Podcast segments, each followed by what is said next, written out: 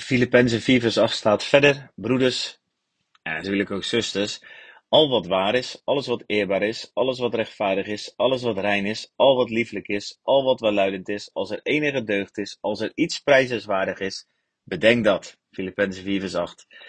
En um, ik wil je daarom als opdracht uh, vragen om vandaag uh, eh, 15 minuten te nemen. Dat is niet zo heel veel. Mag voor mij natuurlijk ook 30 minuten of 150 minuten.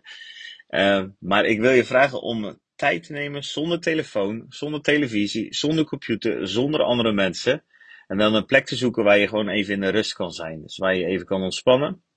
En dan vraag je gewoon hardop, Vader, ik wil de vrede van de Heilige Geest in mijn hart ervaren. Laat mijn geest, mijn ziel, mijn emoties, mijn gevoel, mijn verstand, mijn wil gevuld worden door uw vrede.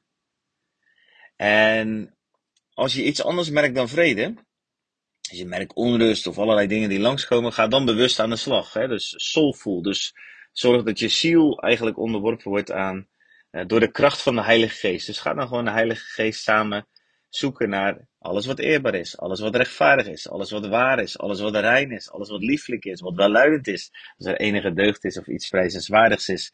En als je naar die dingen op zoek gaat, dan zal je merken dat de vrede van de Heilige Geest je hart gaat vullen.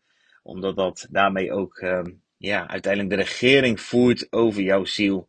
Uh, samen met Gods geest. Zegen.